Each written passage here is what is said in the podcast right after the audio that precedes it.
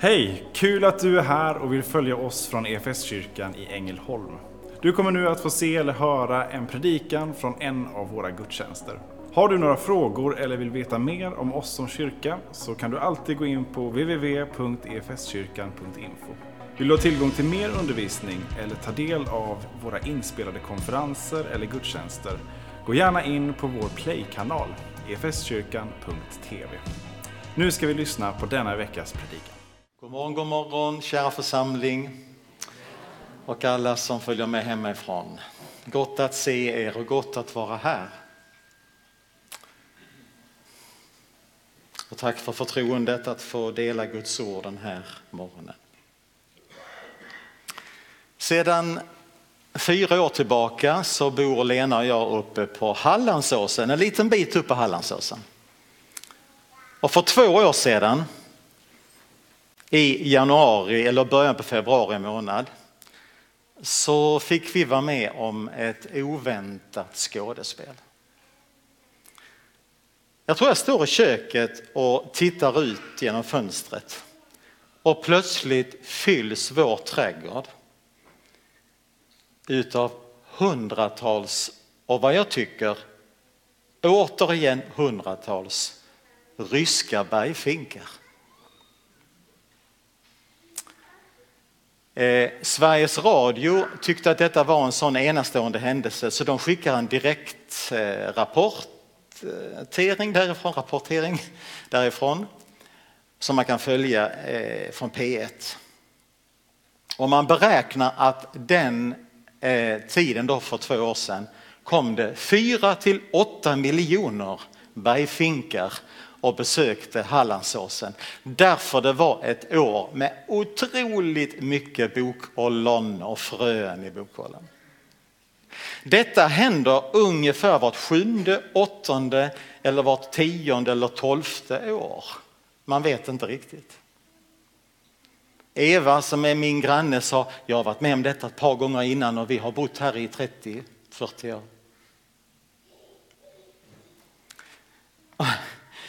Och då bara så här, har jag funderat, ja, det är ju helt otroligt.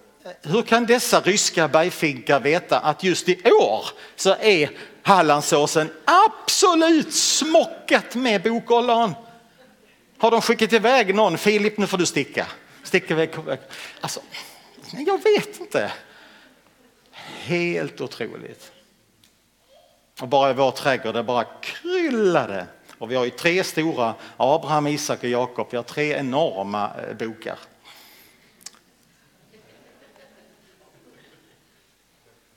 Och jag tänker på då som inledningar, O store Gud, när den värld beskådar vad du har skapat med ditt allmaktsord. Hur där din visdom väver livets trådar och alla väsen mättas vid ditt bord. För det hade vi, vi hade ett bord för de här bergfinkarna. De var kvar ett par veckor, sen stack de.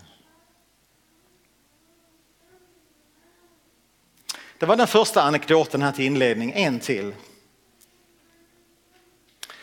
Innan vi läser dagens evangelietext. Att få ha ett barn på skötbordet, det är någonting stort. Och varje förälder eller annan som har skött om vet hur viktigt det är att ha ögonkontakt med barnet när man byter blöja och tvättar och pudrar. Hur tokigt vore det inte att ha mobiltelefonen då stående uppe i väggen och så. nej, man, har, man är där för sitt barn. Och alla ni som har varit med om detta av nåd, att få vara med om det, du har också märkt att ibland så när barnet ligger där så gör huvudet så här. Och vet du vad forskarna säger? Utstrålningen ifrån mammas och pappas ansikte är så stark så barnet måste få vila lite. Mm. Och jag tror så här att och jag är övertygad om det, att varför vi sitter här idag, varför vi överhuvudtaget prioriterar en söndag förmiddag här idag. Det är att vi på något vis, någon gång i vårt liv har fått se Jesu härlighet stråla. Och det har gjort sånt intryck i våra liv. Alltså Gud har börjat ett gott verk i våra liv. Så på den vägen är det. Annars skulle inte du vara här idag. Du skulle inte lyssna hemifrån din dator eller telefon. Gud har börjat ett gott verk i ditt liv. Och vet du vad? Han ska fullborda det. Så står det i Psaltaren. Han som har börjat ett gott verk i ditt liv, han ska fullborda det. Så oerhört skönt och få vila i det. Ah, vi är på trons väg. Genom dopet och tron så har vi fått se lite, lite grann utav den utstrålning som är ifrån Jesu ansikte. Och det kan man tänka sig att utstrålningen där på skötbordet är så stark ifrån mammas och pappas ansikte så barnet orkar bara inte. Jag måste få vila. Nej, forskarna är underbara ibland när de kommer fram till sådana härliga saker. Nu läser vi dagens evangelietext och den är hämtad ifrån Johannes evangeliet, det sjunde kapitlet och ifrån vers 40 i Jesu namn. Några i hopen som hörde detta sade han måste vara profeten och några sade han är Messias. Men andra sade inte kommer väl Messias från Galileen? Säger inte skriften att Messias ska vara av Davids sätt och komma från Betlehem, byn där David bodde? Så blev hopen oenig om honom. Några ville gripa honom, men ingen lyfte sin hand mot honom. När deras folk kom tillbaka frågade översteprästerna och fariseerna varför har ni inte tagit hit honom? De svarade aldrig har någon människa talat som han. Då sade fariseerna till dem har ni också blivit vilseledda? Finns det någon i rådet eller bland fariseerna som tror på honom? Men den stora hopen som inte kan lagen, den är förtappad. Nikodemus som själv satt i rådet och som tidigare hade sökt upp Jesus sade inte dömer väl vår lag någon utan att man först har hört honom och tagit reda på vad han gör. De svarade, är kanske du också från Galileen? Se efter i skriften så skall du finna att ingen profet kommer från Galileen. Så lyder det heliga evangeliet. Lovad vare du Kristus. Ja, aldrig har någon talat som han. Och vi ställer frågan, ja vem är han? De kommer tillbaka med sina rapporter och skulle gripa honom egentligen men nej, ingen har talat som han. Vem är han? Jo, han är född av Fadern före all tid. Han är ljus av ljus. Han är liv av liv. Han är sann Gud av sann Gud. Han är född och inte skapad. Och han är av samma väsen som Fadern. Och lärjungen Johannes som fick tillbringa tre år av sitt liv med Jesus och som stod invid hans kors när han dog vittnar om honom i sitt evangelium och skriver Vi såg hans härlighet. En härlighet som den enda sonen får av sin fader och han var fylld av nåd och sanning. Och Paulus vittnar om i Kolosserbrevet 1 och 9. Det behagade Gud att låta all sin fullhet ta sin boning i honom. Tänk all sin fullhet, allt vad du och jag vi har längtat efter skulle prägla våra liv sedan barns ben. Det har Gud lagt ner i sin älskade son. Och varje gång genom mitt liv som jag har fått en förnyelse med Gud så har det alltid på något vis gått via Jesus. Att jag på nytt har fått fästa min blick på Jesus. Det är sant.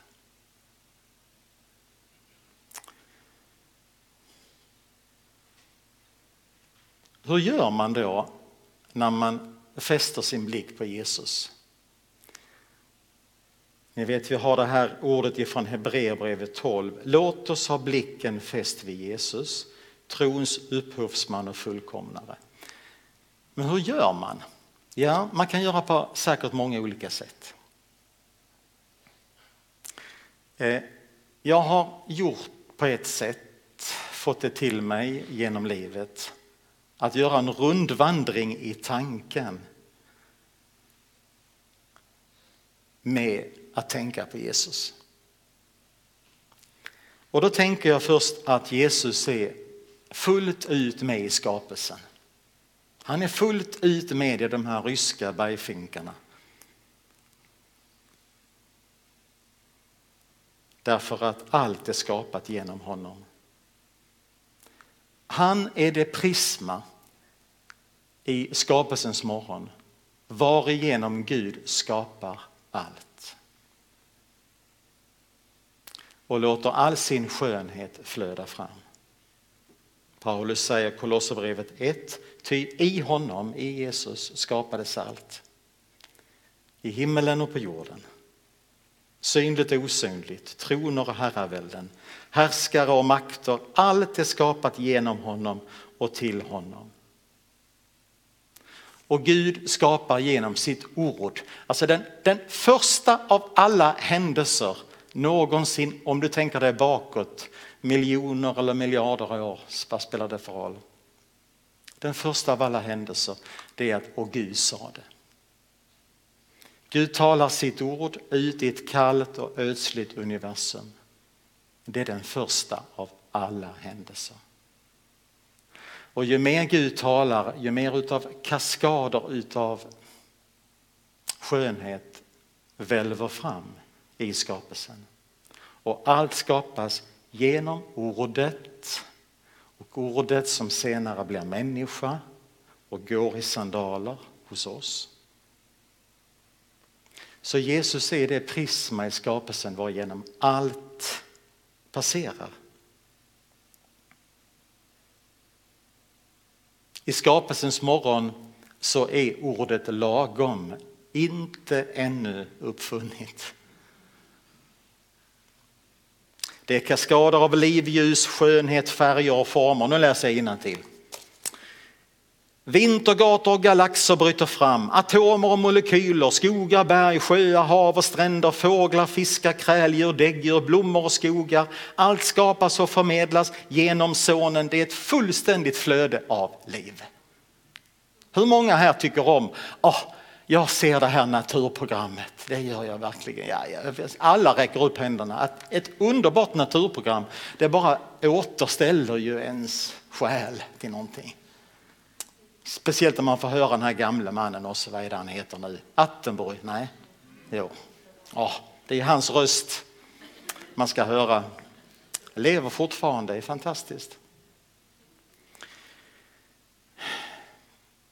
Jesus är med i detta. Och Karl Olof Rosenius sa så här. När sonen sa en gång, före världens skapelse, när sonen sa Fader, jag vill frälsa. Då sa skaparen, nu vill jag skapa. Så att jag, jag har ställt mig frågan ibland, var Gud fullkomligt glad i skapelsen? Kunde han vara det? När han visste att det, den, här kommer att, den här underbara skapelsen den kommer att falla i synd. Kunde Gud vara fullkomligt glad när han skapade berg och sjöar, och hav och stränder och så vidare? Och jag har kommit fram till, ja, det tror jag faktiskt. Därför att planen med Jesus var klar. Planen med Jesus är ingen B-plan. Oj då, nu gick, det, nu gick det åt skogen här, vad ska vi nu? Jesus, skulle du kunna tänka dig? Och, nej, den är klar. Korset, allt, det är regisserat, det är klart. Sonen sa pappa, jag, jag, jag är beredd att bli en människa. Jag är beredd att offra mitt liv. Då skapar jag. Någon sa så här också, ja Jesus och Jesus och Jesus. Ja. Hade ni kristna inte haft Jesus hade ni inte haft någonting. Nej, det är så sant. Det är så sant. Så jag tänker mig att Gud är fullständigt glad i skapelsen. Och i Ordspråksboken 8 och 25. Förrän bergens grund var lagd, förrän höjderna fanns, blev jag född, säger visheten. Och då tänker man på Jesus. När han beredde himmelen var jag närvarande, då hade jag dag och dag min lust och min lek inför hans ansikte. Så Jesus är för det första förmedlaren av skapelsen och när jag ska fästa min blick på Jesus så börjar jag i skapelsen och sen går jag till Betlehem. Om jag inte stannar upp via Jesaja förstås. Jesaja har så många härliga profetier om Jesus, men jag brukar gå till Betlehem. i Betlehem i en avkrok av det romerska imperiet. I ett litet västasiatiskt land, ifrån en liten oansenlig plats på jorden. Där, just precis där och just då, säger läkaren Lukas, när kejsaren hette Augustus och ståthållaren över Syrien hette Quirinius, då lyser plötsligt den levande Gudens ljus fram. Ifrån ett skrynkligt barnansikte i ett enkelt stall i Betlehem strålar Guds härlighet i den första julnatten. Så typiskt Gud, hur skulle det kunna ske på annat sätt? Fäst dina ögon på Jesus, se in i verkligheten själv. Vi kan gå via Betlehem. I den natten och i tiden efter så är det människor ifrån olika samhällsklasser som knäböjer inför barnet. Och jag tänker mig också i, i julnatten där när Maria och Josef ser in i sitt barns ansikte ser de Guds ansikte. Vem kan förstå det? Helt underbart.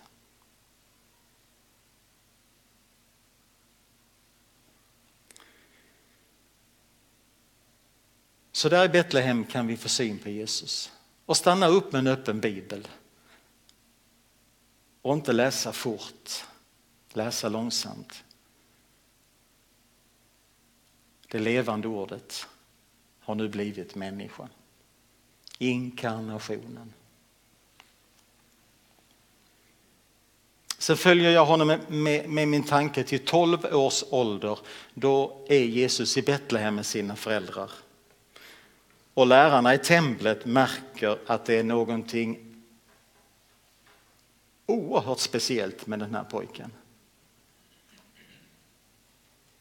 Alla som hörde honom, står det, häpnade över hans förstånd och det svar han gav. Så Guds härlighet vilar över pojken. Och jag har många gånger funderat, när visste Jesus vem han var? Jag vill bara ställa frågan för jag har inget svar. Spännande. När han sitter och ber med Johannes döparen han är 17 år, tror ni inte de gjorde det? Så säger Johannes döparen, det är märkligt Jesus, det är något speciellt att be med dig, det är som att himlen landar.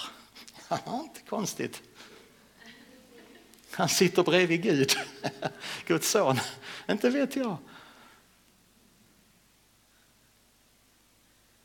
När visste Jesus vem han var? Spännande. Han anade kanske redan här vid 12 års ålder, inte vet jag.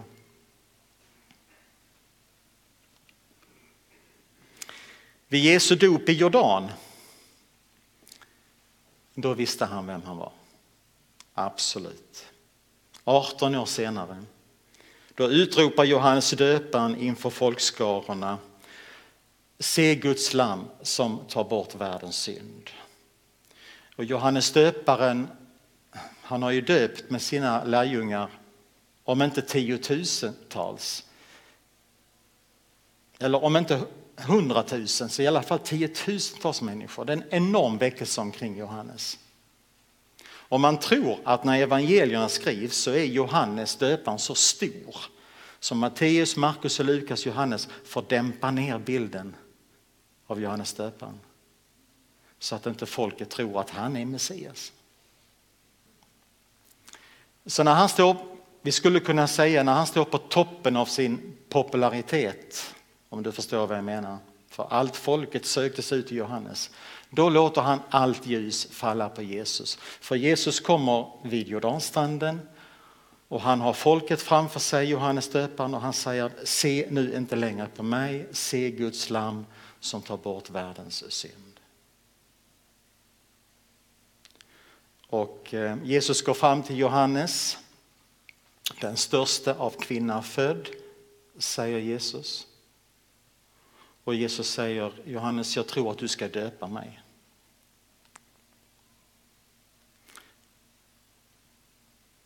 Och denna helige man, Johannes döparen, darrar till i hela sin varelse.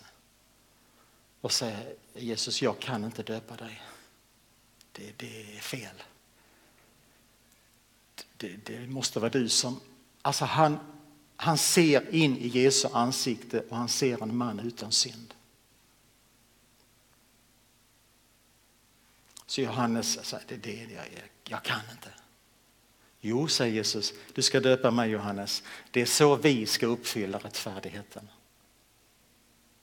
Och så kan vi stanna upp där vid Jordan och bara läsa det. Ha en öppen bibel hemma på köksbordet och bara sitta och titta. Bara sitta och titta på honom. Se, betrakta. Som om du betraktar ditt barn som har somnat på kvällen.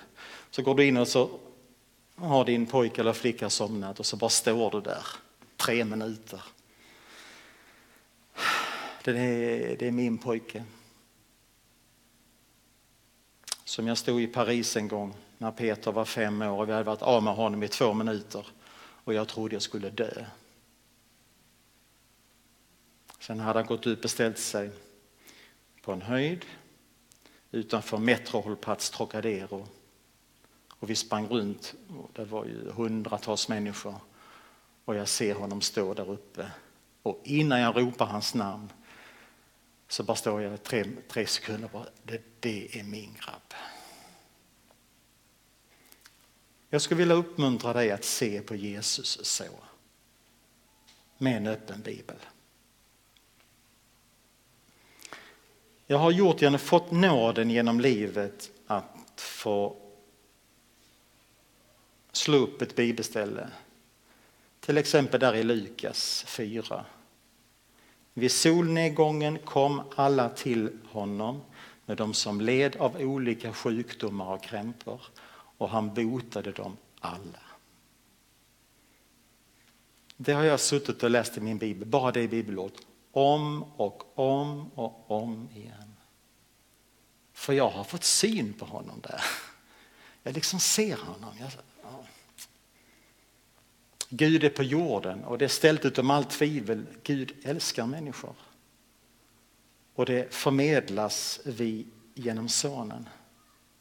I sonen är det prisma som bara skickar ut Guds härlighet. Så där i Bibeln där du har fått syn på Jesus, stryk gärna under och slå upp det igen och slå upp det igen. Om du har haft en bibel några år då vet du också om det är på en vänster sida det står eller en höger sida, inte sant? Det är bra med när man haft en bibel länge. Ska se, det är på vänster sida. Där är det ja, där är det. Att umgås med ordet, att umgås med det levande ordet. Och här har jag i och för sig en, en fråga och den behöver jag ställa till mig själv då ibland också. Trivs du med din bibel? Svara på den inför dig själv. Trivs du med, tycker du om att ta fram den? Vet du var du har den? Tycker du om att hålla den i handen? Tycker du om att lägga den på köksbordet? Tycker du om att läsa i den? För ibland kan det vara så att man behöver köpa en ny bibel för att liksom börja om i sitt liv.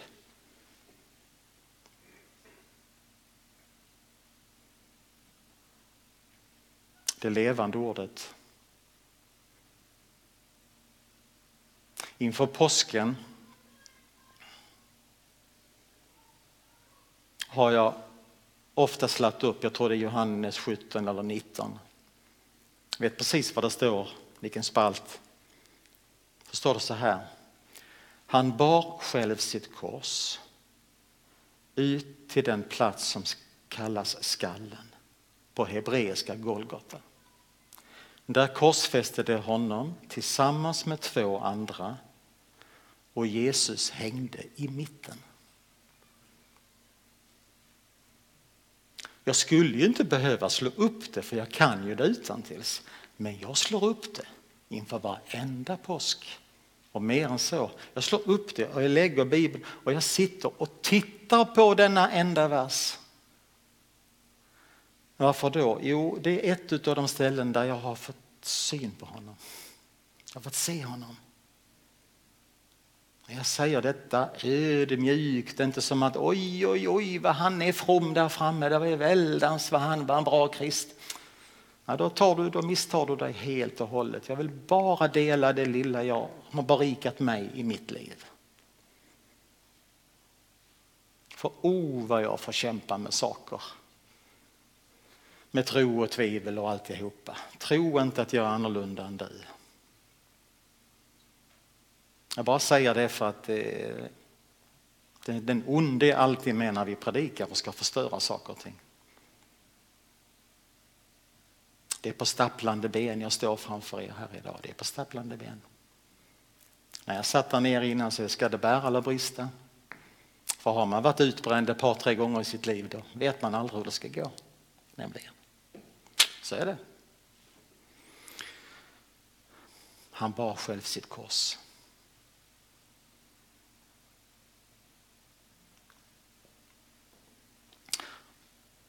Vi har bara kommit till, nej, vi har kommit till Jordanfloden. Alltså så här kan man fortsätta följa Jesus i evangelierna. Ehm, en av de absolut mest fantastiska berättelserna är ju att när Jesus kommer till Syker, som idag ligger kvar på Västbanken, och brunnen är kvar. Jakobs källa som Jakob grävde upp för 4000 år sedan typ. Den är kvar nere i källaren i ett kloster i Syka. Dit kom Jesus mitt på dagen och satte sig vid källan i Syka. Och du känner igen den här berättelsen. Då kommer det en kvinna med sin vattenkruka och hon går till brunnen för att hämta vatten. Och hon går ut mitt på dagen för hon vill inte träffa någon människa. Hon vill inte träffa deras blickar, hon vill bara vara själv. Kan man förstå. När man sen får höra också hur, ja, hur livet hade tätt sig med henne. Jag ska bara säga en sak på den berättelsen. En sak. Den stora hemligheten med hela den berättelsen var att man kunde ha tolv punkter för den är alldeles fantastisk. Den dagen när Jesus kommer, när, när kvinnan kommer till brunnen för att hämta vatten sitter Jesus redan där. Ah. Jag skulle predika av den här texten eh, nu för några veckor sedan har jag aldrig stannat upp så mycket inför just det som då. Han sitter redan där. Kan det vara så att han har stämt möte med den här kvinnan före världens skapelse och han vill inte bli sen så han måste ta vägen genom Samarien. Han måste ta, det gjorde ju inte judarna för det var ett blandfolk med blandreligion så de ville inte gå igenom Samarien. Så därför skriver eh, Lukas här, han måste ta vägen genom Samarien. Han måste det därför att han har stämt möte med den här kvinnan och han vill inte bli sen. Så han förvandlar hennes liv den här dagen. Men hemligheten är att när kvinnan kommer till brunnen sitter Jesus redan där. Och då vill jag gå till ditt liv. Han är redan där. Var är Jesus? Han är redan där hos dig. Genom dopet och tron är du ett Guds barn. Han är redan där hos dig. Men du och jag, vi är inte där vid brunnen. Vi är flanörer i tanken, vi stressar runt och vi har bekymmer och problem och vi är så sällan hemma. Men när vi kommer tillbaka och blir stilla vid brunnen sitter Jesus redan där.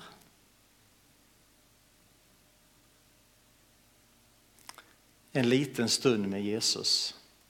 Alltså när du och jag vi blir stilla och så, Gud nu, nu, har jag inte, nu har jag inte tänkt på dig på, förlåt, jag måste bli stilla. Och så går du till ditt innersta och han sitter redan där. Jag har fått uppleva det många gånger i mitt liv. När jag har varit snurrat och Eh, inte levt något direkt fromt liv och eh, inte eh, varit fokuserad på Jesus. Och så måste jag ju bara ta mig stilla för jag ska ju predika snart på söndag. Så jag måste ju bara gå till källan. Och när jag går till källan då sitter han redan där. Jag är fortfarande ett Guds barn. Det tycker jag, att upptäcka att Jesus, han är kvar. Han är hos mig. Genom dopet och tron är du där. Underbara erfarenhet. Så att följa honom med blicken till Syka och se honom möta kvinnan, det är att fästa sina ögon på Jesus.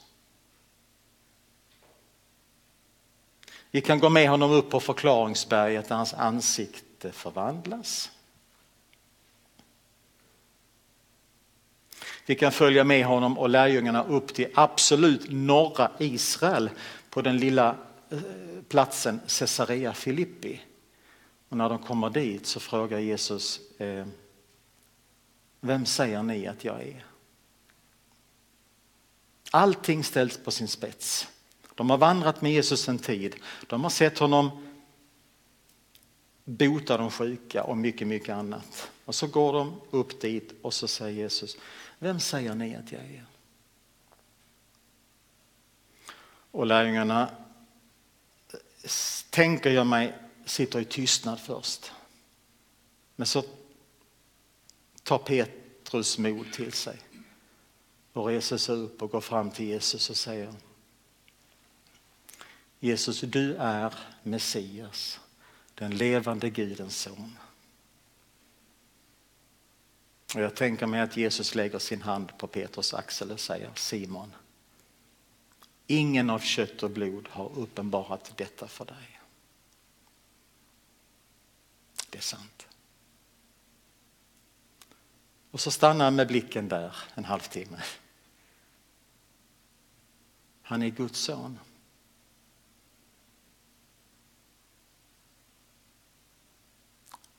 Sen vandrar de ner från Caesarea Filippi och förbi Galileiska sjön och kommer på sin väg till Jerusalem att passera Jeriko den sista gången. Och då sitter det en blind man vid vägkanten och han ropar Jesus, Davids son, förbarma dig över mig. Detta kallas för Jesusbönen och inte minst klostren genom århundraden har bevarat den här bönen och kallat den för, för Jesusbönen. Och jag ber den själv, om inte så varje dag så i stort sett så. Jesus Kristus, Guds son, förbarma dig över mig syndare. Och där möter man honom. I den bönen möter Jesus med dig och mig. Jesus Kristus, Guds son, förbarma dig över mig syndare. Det var den blinde mannens absolut sista chans att ropa Jesu namn eh, kan man säga medan Jesus levde i varje fall. Därför att det var sista gången Jesus passerade Jeriko. Och Jesus hör mannens rop och han går fram till honom och ger honom hans syn åter. Och då kan vi säga igen som ett citat från Francis Frangipane det är ställt utom allt tvivel i Nya Testamentet att Jesus älskade människorna. Det låter som en söndagsskol, eh, men oh, vad viktigt för hela min bibeltolkning och min bild av Jesus. Och kan jag inte få komma hem till dig ikväll och äta kvällsmat? Kan vi inte? Alltså, han flödade utav den här barmhärtigheten. Och till sist.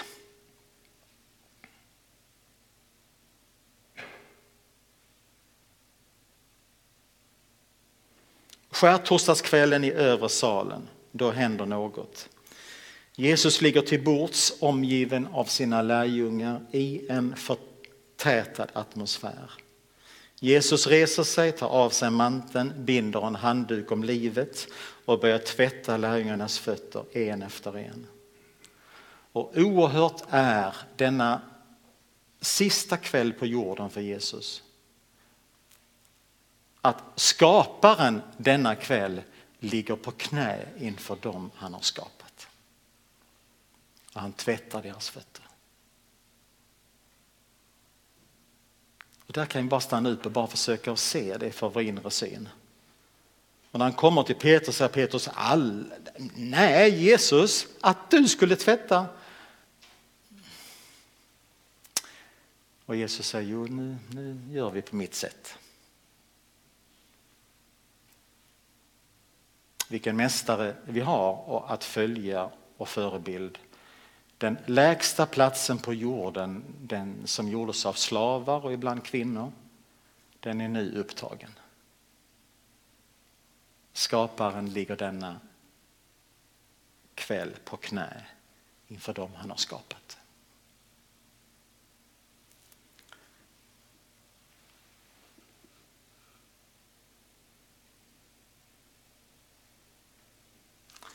Så fick det här bli ett litet vittnesbörd.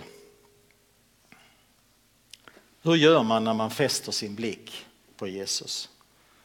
Låt oss ha blicken fäst vid Jesus, trons upphovsman och fullkomnare. För att vinna den glädje som väntade honom uthärdade han korset.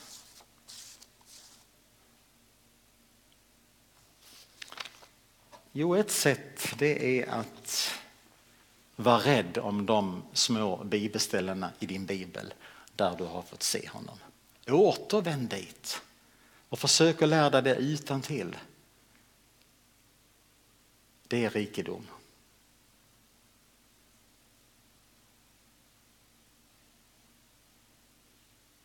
Det är svårt att göra det utan en öppen bibel.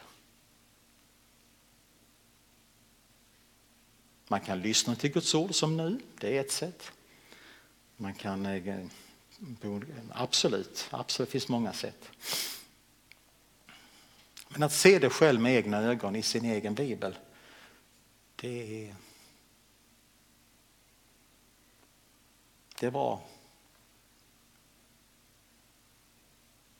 Det finns ett annat citat som har följt mig genom livet. Det finns ingen genväg till ett andefyllt kristet liv. Vägen går alltid genom Guds ord. Det måste jag påminna mig själv varenda gång jag ska predika. Alla ner igen på knä, in till Guds ord och ingenting att ge om du inte först har varit vid källan. Du kommer inte ha någonting att ge Allan. Det kommer bara vara gammal skåpmat. Då ska jag ta en, en bild. Jag, jag är inte mer än 21 år när jag får en tjänst uppe i Piteå som ungdomsinstruktör i Hotlax och kommer upp och bibelklubbarna från Skellefteå är uppe och de har kallat en pastor från USA, heter Gordon McDonald, vad han hette, vet jag inte riktigt. I alla fall så skulle han ha bibelstudier med oss en morgon och då säger han så här på den här morgonen. Eh, det är ett läger, ett ungdomsläger som jag kommer med på. När ni låg och sov idag på morgonen så var jag uppe och läste igenom ett bibelstudium om Barnabas. Och ni ska veta det, sa han, jag kan alla dessa bibelställen utan till. Men vet ni vad, jag tog upp min bibel här på morgonen och jag läste igenom dem, jag såg dem med mina egna ögon, jag läste igenom dem en gång till allihopa för att när, när jag nu ger dem till er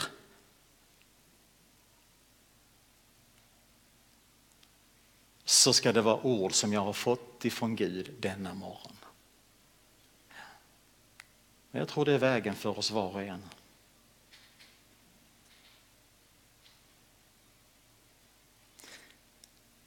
På 70-talet sydde vi bibelfodral. Inte jag, men man köpte. Och det var en bibelväckelse i början på 70-talet och, i stort sett alla samfund och i kyrkor i Sverige så hade man biblar med sig. Många hade det på gudstjänsterna. En del av er ler nu. Och man köpte bibelfördrag i skinn och hade på sin bibel. kom mycket från Jesusfolket i USA och den karismatiska väckelsen i början på 70-talet. Så jag tror vi behöver ta lärdom av det. Var har jag min bibel? Trivs jag med den? Gode Gud, take me back dear Lord, take me back to the place where I first received you. Take me back dear Lord. Amen, låt oss be. Gud, vi prisar och tackar dig för att ingen söker oss så mycket som du söker oss. Och i dagar och tider, Herre, då vi har varit ute och snurrat omkring och glömt dig, Gud, att du är med oss. Glömt att du bär oss i dina händer.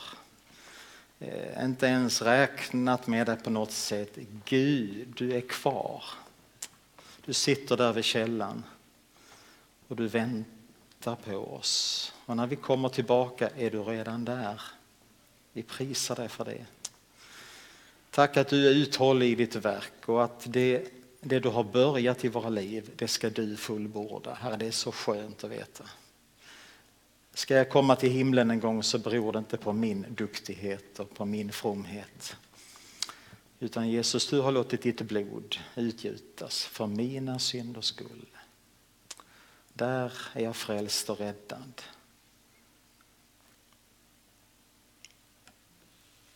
Varsågod Malin. Vi fortsätter att be tillsammans. Tack Jesus för en solig morgon. Tack för dina fåglar och djur och växter och allting som så sakta börjar vakna till liv igen nu för våren. Vi ber att du ska hjälpa oss att se dig Ja. överallt i din skapelse. Att du ska överraska oss när vi inte har orkat leta efter dig, när vi tycker att vi inte har hunnit. Så ber vi att du ska visa dig för oss ändå, att du ska påminna oss om vem det är som har skapat oss, vem som har skapat världen. Och tack för att vi får lov att samlas och fira gudstjänst här. Vi ber särskilt för dem som inte får lov att samlas till gudstjänst, oavsett anledning. Så ber vi att du ska fylla deras hjärta med din gudstjänst och din glädje, var de än är. Vi ber här att du ska beskydda ditt folk över hela världen. Vi ber för din kyrka på alla platser. Mm. Och vi ber att vi veckan som kommer ska få lov att vara din kyrka överallt där vi är. Att vi ska få sprida din kärlek och ditt ljus. Mm. Att fler människor ska få bli nyfikna på dig.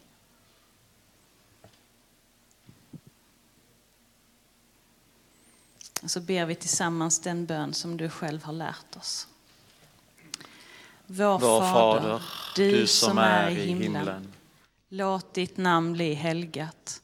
Låt ditt rike komma. Låt din vilja ske på jorden så som i himlen.